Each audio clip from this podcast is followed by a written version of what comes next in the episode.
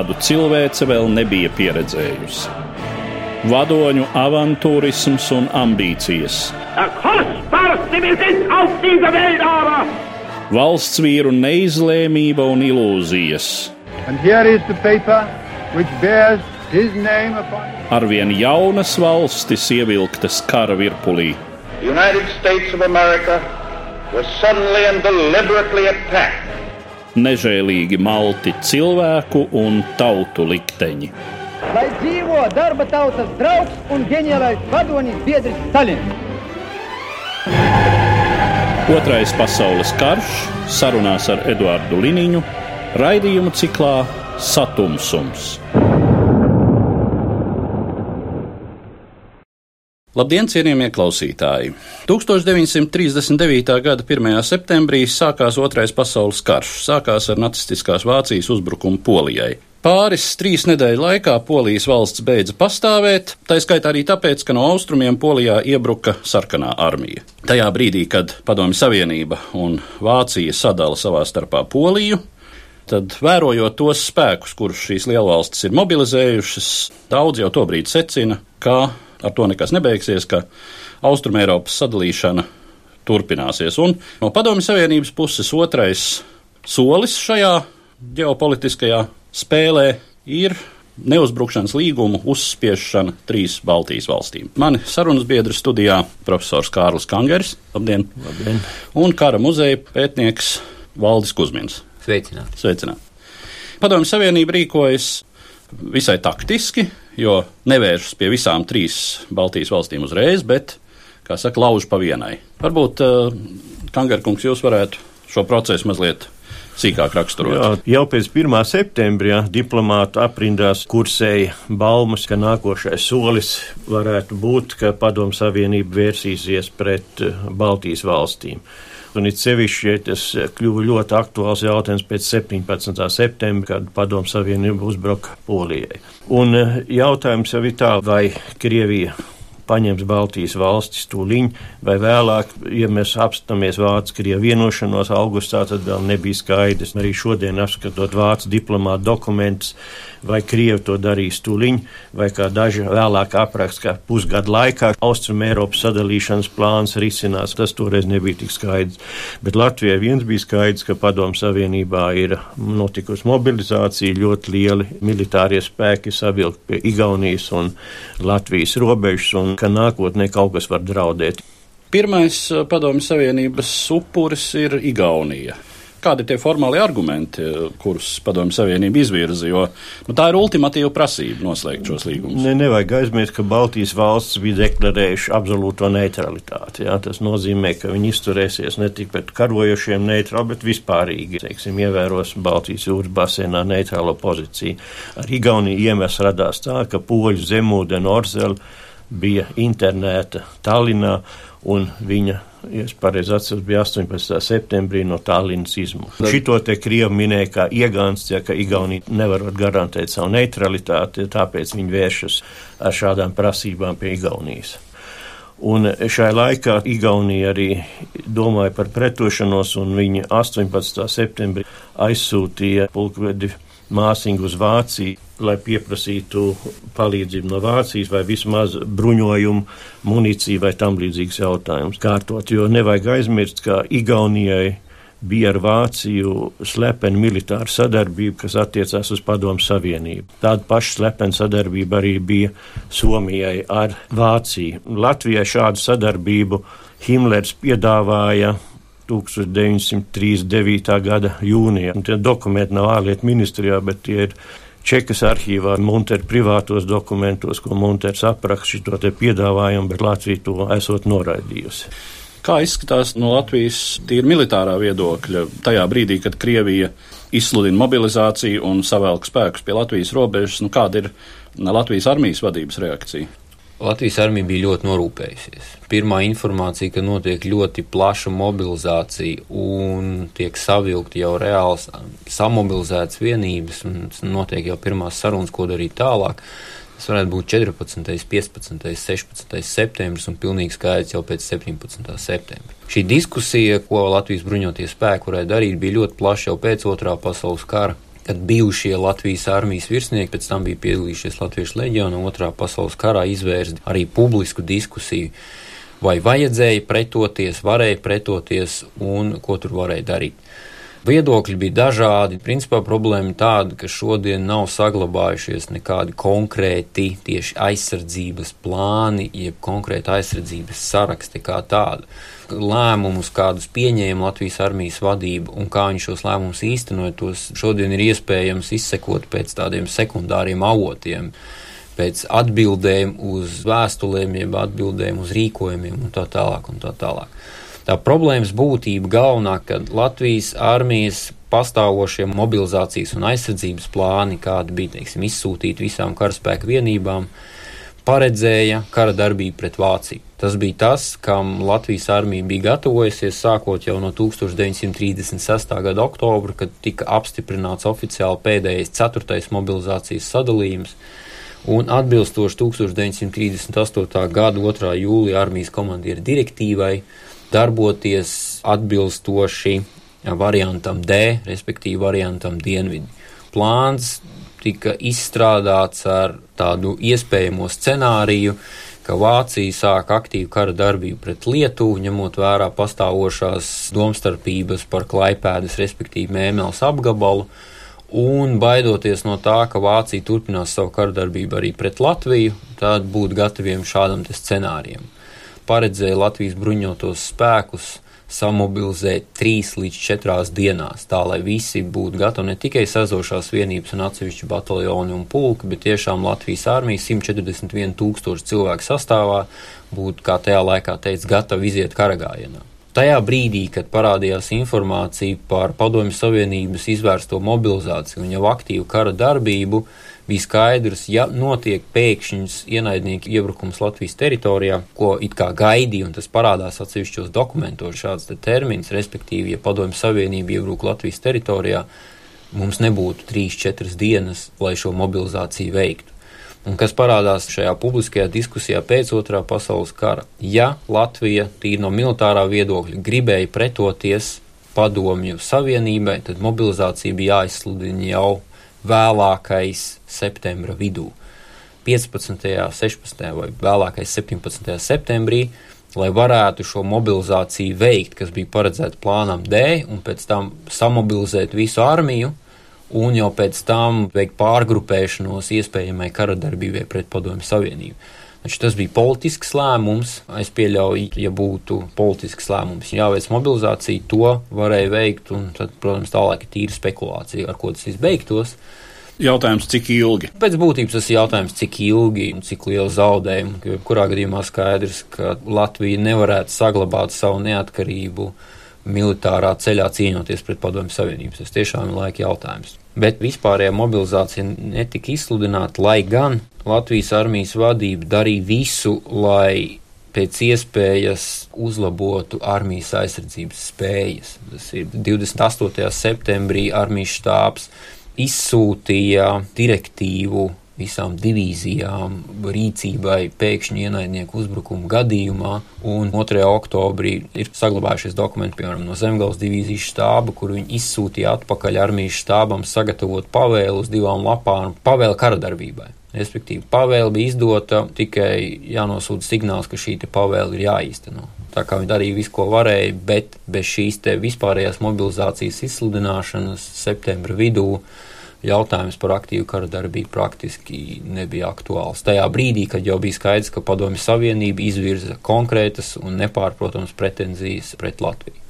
Būtībā nav jau tādu dokumentu īsti pieejami, kur ir šie jautājumi un šī lemšana aprakstīta, bet ir Maskavā, Čekas arhīvā ģenerāla Berķa dienas grāmata saglabājusies un jautājums tika izlemts par pretošanos vai nepretošanos 28. septembrī 1939. gada. Šai laikā bija izvirzīts prasības Igaunijai. 28. septembrī Selters bija Maskavā parakstīt vienošanos ar Padomu Savienību par bāžu līgumiem. Un Munters un Latvijas valdība bija ļoti neapmierināti ar Igauņu rīcību, jo viņi nebija latvieši vispār informējuši par Krievu prasībām un šī te līguma slēgšanu. Latvija arī bija griezusies tāpat kā Igaunija pie Vācijas prasīja gaidīt, vai varēs saņemt kaut kādu militāru palīdzību, respektīvi varēs dabūt, piemēram, munīcijas Vācija, ja pārējais atsūs 21. vai 22. septembrī šo te Latvijas mm. lūgumu prasību noraidīt, teiks, mēs esam ar Krieviju vienojušies, mēs esam noslēguši līgumu, mēs neko nevaram darīt. Jā, tā kā tas bija 21. 22. septembrī. Staļins Vācija informēja 24. 25. septembrī, ka viņš plānojot Austrum Eiropā pārvērtības. Un viņš arī toreiz ielūdza Ribbentropu uz Maskavu parakstīt jaunus līgumus, un Ribbentrops bija Maskavā 28. septembrī, kad viņi parakstīja Staļina vienošanos par Austrum Eiropas sadalīšanu, un otrā slepenajā līgumā Lietuva tika ieskaitīta padomu interesu sfērā. 23. augustā parakstīta līgumā Lietuva skaitījās vēl Vācijas interesu sfērā, un tad 28. arī visa Baltija, ieskaitot Somiju, jau tika piešķirta padomu interešu sfērai. Un Latvija arī šos jautājumus ir diskutējusi.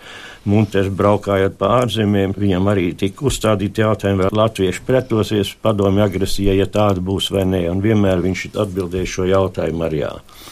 Izšķirošā lemšana, kā es minēju, notika 28. septembrī 39. gadā, un šajā sanāksmē piedalījās no armijas puses ģenerālis Balods, ģenerālis Berķis, Ulmans pats un ārlietu ministrs Munters. Un šai sēdē Ulmanis un Munters izteicās par militāru pretošanos. Bet armijas vadītāji uzskatīja to, ka Latvijas armija nesot gatava pretoties Padomu Savienībai. Tad sēdi Ulmans esot atstājis, izgājis ārā, kādu pusstundu pārdomāt šos jautājumus, un tad viņš atgriezies pie pārējām trim personām un paziņoja, ka Latvija nepretosies Padomu Savienībai, ja viņi uzbruks vai izvirzīs kaut kādus līgumus. Un tas nozīmē, ka būtībā armijas augstākā vadība bija tā, kas pati rosināja uz nepretošanos. Ja mēs apskatām attīstība armijā, kāda bija, ka būtībā Latvijas armija bruņošanās pēdējos gados bija ļoti nolaista. Netika iepirkts vajadzīgais kara materiāls, bet pretošanās uzskatīja tā, ka nav iespējama, respektīvi ļoti vājā apmērā, un Mulmans sprieda, ka neupurēs veltīgi bezcerīgā situācijā latviešu cilvēku dzīvības. Tā bija viņa nostāja, un tad Munters 1. oktobrī paziņoja Krievijas vēstniekam te Latvijā, ka Latvija neprietos. Tā viņa otrā Latvija dabū ielūgumu braukt uz Maskavu, un tas viss arī izcinājās diplomātiskā ceļā. Es drusku pakāpšos atpakaļ uz to šīs lietas aspektu, kā valdi jūs teicāt, tad Latvija bija gatavojusies pamatā uzbrukumam no Vācijas puses jau 36. gadā. Kas bija pamatā tādam konceptam? Šajā gadījumā es pieļauju, te gan nav saglabājusies visa armijas vadības sarakste, kas notika šī ceturtā mobilizācijas sadalījuma izstrādes gaitā. Bet šajā gadījumā es pieļauju šīs attiecības ar Vāciju un vispār attieksme pret vāciešiem kā tādiem.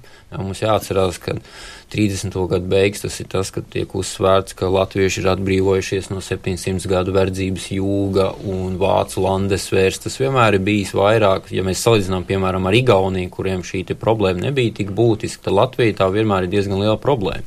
Un tad, kad 30. gadu vidū būtiski izmainās Vācijas ārpolitika un vispārējais līdz ar Hitlera nākšanu pie varas un izvērtējot par un pret, kas varētu būt visticamākais scenārijs, es pieļauju, šeit nebija grūti izvēlēt, jo šajā brīdī, 35. un 36. gadā, Nu, līdz pat 39. gada vasarai Padomju Savienība nebūtu neizskatījās vismaz nu, no Latvijas viedokļa, kā Eiropas valsts, kura izvirzītu būtiskas ambīcijas un kuras būtu gatavas atbalstīt ar militāru spēku. Latvijas geogrāfiskais stāvoklis ir tāds, ka nevarēja izstrādāt aizsardzības plānus, kas būtu universāli, kas būtu vienlīdz labi kā pret Vāciju, tā pret arī pret Padomju Savienību. Tas nav iespējams. Tādā gadījumā mums būtu jātur 100 tūkstoši mobilizēta armija visu laiku. Tas nav tikai plāns, tas nav dokuments uz desmit lapām, ko mēs varam pieņemt vai nē. Tam visam aizmugurē ir ļoti smags un rūpīgs darbs, kad tika skaidrs, ka Padomju Savienība ir ienaidnieks numur viens un sākās jauna mobilizācijas plāna izstrāde, piektā sadalījuma izstrāde. Tas darbs aizņēma gandrīz nepilnu gadu. Un tur bija saraksti tūkstošiem lapās, tika transportēti tūkstošiem tonu kara krājumu šķērsām pa visu Latviju. Tā bija lielākā militāro krājumu karaspēku vienību pārvietošana kopš atbrīvošanas cīņām. Tas bija fundamentāls darbs, ko nevarēja veikt divās, trijās dienās. Tas nebija iespējams. Un es pieļauju, ka šajā lēmumā 28. septembrī Latvijas armijas vadība, ceļš gribētu uzsvērt armijas štāba priekšnieku ģenerāli Hugo Rožensteinu, kas bija ļoti profesionāls karavīrs, augsti izglītots, ļoti erudīts. Un lasot gan viņa darbus, gan viņa sarakstu, sakojot līdzi, viņš ļoti labi saprata, ka tas mobilizācijas plāns, kas bija Latvijā izstrādāts, lai izsludinātu mobilizāciju 28. septembrī, tas nedarbojās. Es jau minēju pašā sākumā, ka Baltijas valsts bija deklarējuši absolūto neutralitāti. Bet kara priekšplānā nevajag aizmirst, ka jau notika Franču Angļu padomu savienības eh, sarunas par Baltijas telpu garantēšanu, padomu savienību prasīja vai iesoļošanas vai cauršoļošanas tiesības. Sakā, tas jautājums jau visu, visu laiku bija aktuāls. Ja Latvija neizstrādāja kaut kādus plānus, aizsardzības plānus pret padomu savienību, tas ir cits jautājums. Bet padomu savienības briesmas pastāvēja visu laiku. Arī, ja paskatās atpakaļ trīstos gados, Tas jautājums arī rietumu diplomātijā visu laiku parādās, vai Baltija spēs pretoties padomu savienības spiedienam, jā, vai nu politiskam, vai ekonomiskam, vai arī militāram. Tā kā tādas briesmas jau visu laiku pastāvēja. Vienīgais toreiz Latvijā bija diktatūra. Sabiedriski šie jautājumi netika atklāti, cilāti, diskutēti. Visas tīrīšanas Krievijā, teiksim, tauta nebija pārāk labi informēta, bet politiskā elite bija ļoti labi informēta par visu notiekošo Eiropā arī pēc 39. gada, pēc Krievijas iebrukuma Polijā, kad tur jau sākās deportācijas, viss līdz 40. gadam jau bija zināms, ja kādi padomu metodas, kas ir gaidāms Latvijai pēc 40. gada jūnija. Bet tas bija tikai zināms Latvijai toreiz šaurai cilvēku grupiņai, kas nodarbojās ar diplomātiju sēdē ministrijās. Nu jā, un tas ir tas varbūt mūsdienās joprojām vissāpīgākais jautājums. Jā, protams, no vienas puses pretoties nevarēja katrā ziņā neilgstoši, bet eh, kādi bija tie motīvi, kas lika tajā brīdī Latvijā pie varas esošajiem? Nu, pirmām kārtām jau Kārlim Ulmanim, kas lika turēt tautu salīdzinoši lielā neziņā, nu, nodarboties ar tādu iemidzināšanas politiku. Diktatūrai jau ir savi uzdevumi, jau savu vadonības principi. Presa jau būtībā Latvijā bija diezgan brīva, cenzūra jau vairs nepastāvēja, bija tikai pēc cenzūra, pēc avīzes izdošanas tika cenzēta, ne, ne pirms izdošanas. Pirmos mēnešos bija tiešā cenzūra, bet pēc tam vadībai bija jāpaļaujas uz eh, redaktoru pašcenzūru, ka viņi zināmas lietas neievietoja. Tas mehānisms bija, kā redzams, Latvijā labi izstrādājis, bet bija arī iespējas Latvijas cilvēkiem lasīt ārzemju avīzes. Jā, tas nebija aizliegts ievest Latvijā. Tā kā informācija, kas gribēja, jau varēja dabūt. Bet, nu, tāpat bet, jau arī radio varēja klausīties. Jā, jā, jā, tā jau nebija, ka bija informācijas noliegt, bet latviešu presē par to maz runāja. Bija arī padomu savienības spiediens, viņai jau nepatika. Ja skatās diplomātiski norāda, ka rakstot slikti un tam līdzīgi tāpat vācieši mēģināja panākt, lai avīzēs izmaina redaktors žīdus vai ebrejus, kā saka, lai tos nomaina no redakcijām un tam līdzīgi tādu pasākumu vērojam visu laiku vēlas, lai būtu personas, kas raksta par šīm valstīm draudzīgi, par Vāciju, par Padomu Savienību un tam līdzīgi. Runājot par 39. gada septembra nogali, protams, jāsaprot, ka tajā brīdī, kad Latvijas valdība izsludinātu Latvijā pilnu mobilizāciju, Padomju Savienība to daļu varētu to traktēt kā naidīgu rīcību. Nepārprotam, tiklīdz kā tiek izsludināta mobilizācija, tas pilnīgi automātiski tiek uzsverts kā naidīgs solis, kas izsauc uzreiz pilnīgi atbilstošu reakciju.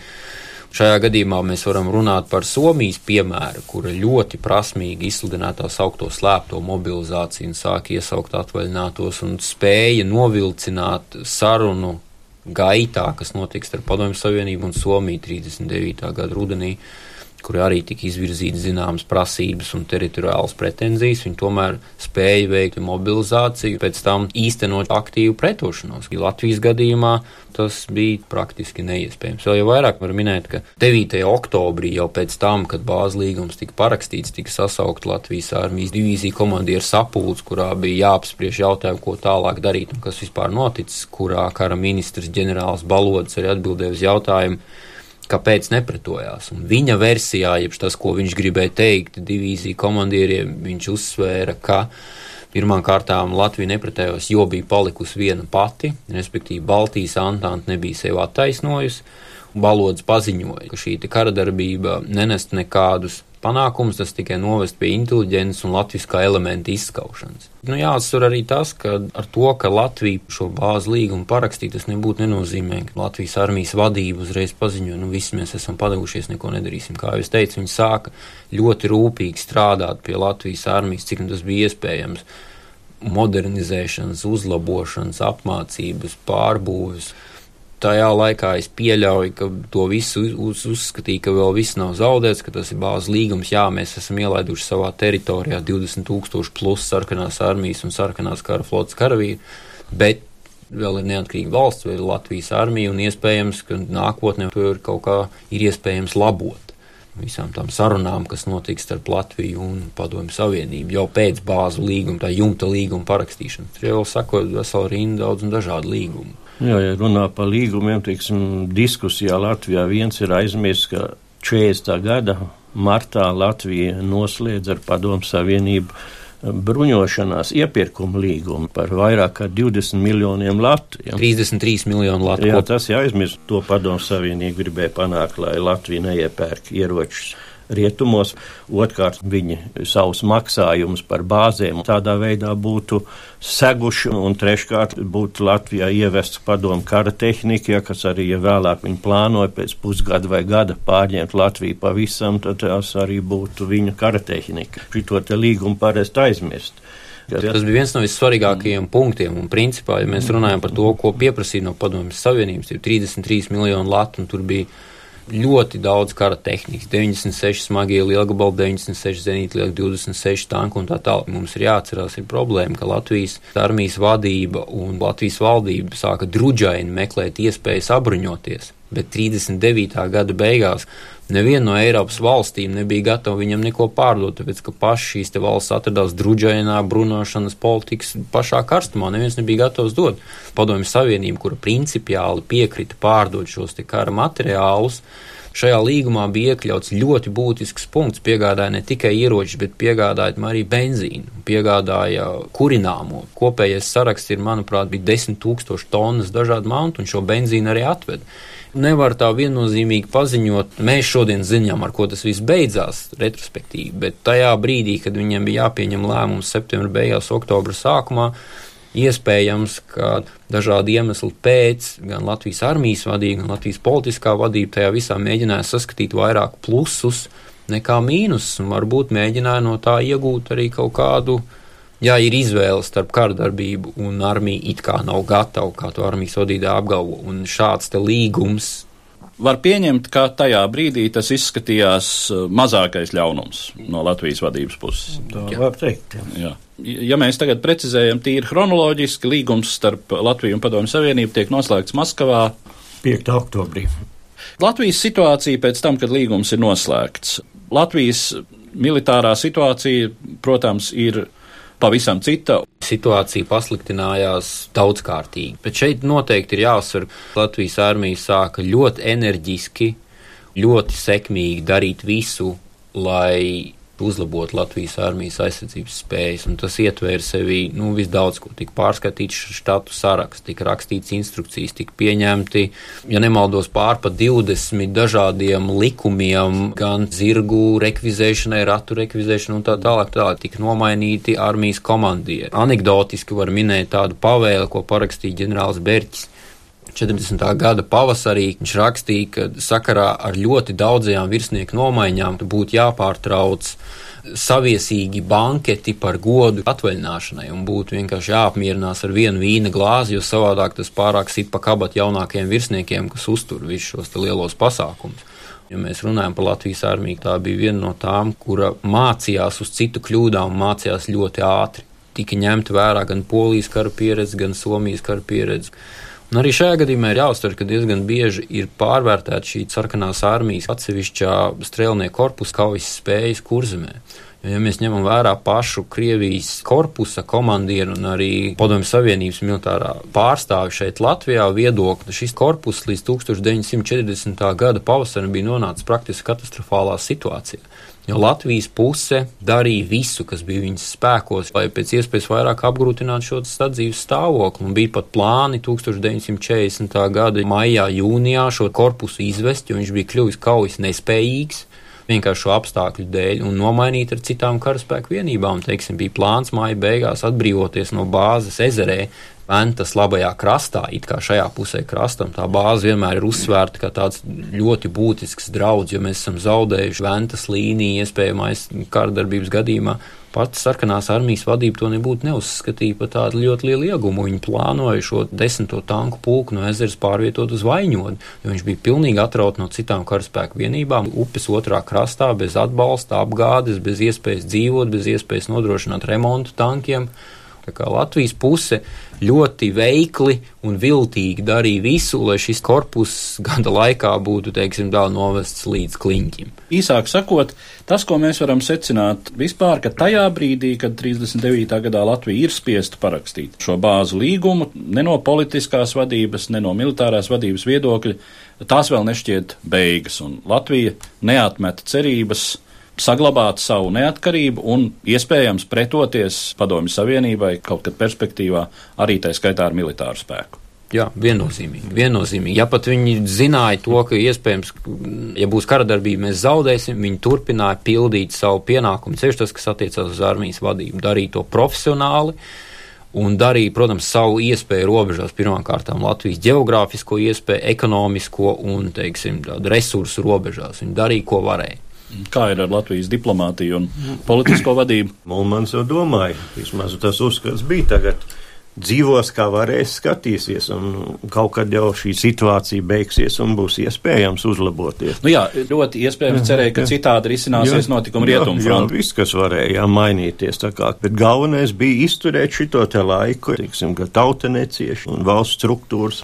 Padomu Savienības Latvijas līgums jau paredzēja, ka Padomu Savienība nedrīkst iejaukties iekšējās lietās. Tur jau tas bija skaidri pateikts, un uz tā pamata arī Latvijai 40. gada jūnijā iesniedz ultimātu, un Munters jau atbildēja, ka mēs esam ieturējuši šo te līgumu un ka visi padomu izvērstie pārmetumi ir nepatiesi. Jā, un uz ko viņam atbildēja, ka, jā, ka šis līgums formāli tiek atbalstīts, bet faktiskā attieksme neapmierina. Un Latvijas puse darīja visu, lai mazinātu šī līguma reālās sekas. Kā mainās Latvijas situācija no starptautiski tiesiskā, lielās starptautiskās politikas aspekta? Galvenais ir tas, ka Latvija bija pirms tam deklarējusi absolūto neutralitāti, un ar šo te līgumu viņi pazaudēja neutralitāti. To Latvijas politiķi paši neuzsvēra, bet, ja mēs palasam citu valstu diplomātus, tad viņi Latviju klasificē vairs kā neneitrālu valsti kas ir pieslējusies Padomu Savienībā. Tajā brīdī, piemēram, no Britu valdības viedokļa, izskatās, ka pieslieties Padomu Savienībai būtībā nozīmē pieslieties Padomu Savienības un Vācijas to brīdi zināmā mērā militārai savienībai.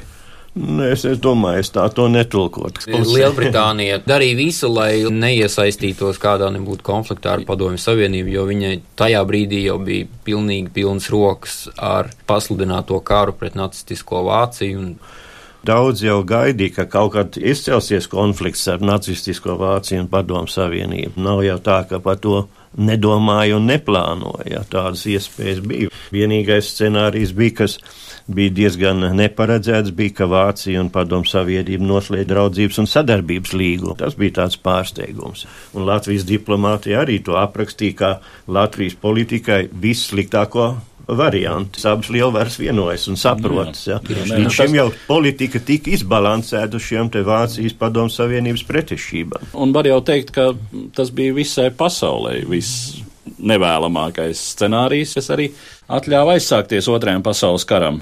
Ar šādiem secinājumiem mēs arī varam mūsu raidījumu šodien noslēgt, un es saku paldies maniem sarunas biedriem profesoram Kārlim Kangarim un Latvijas kara muzeja līdzstrādniekam Valdim Kuzminam. Paldies! paldies. Raidījumā šīs dienas acīm cikls Satumsums - sarunas par Otro pasaules karu.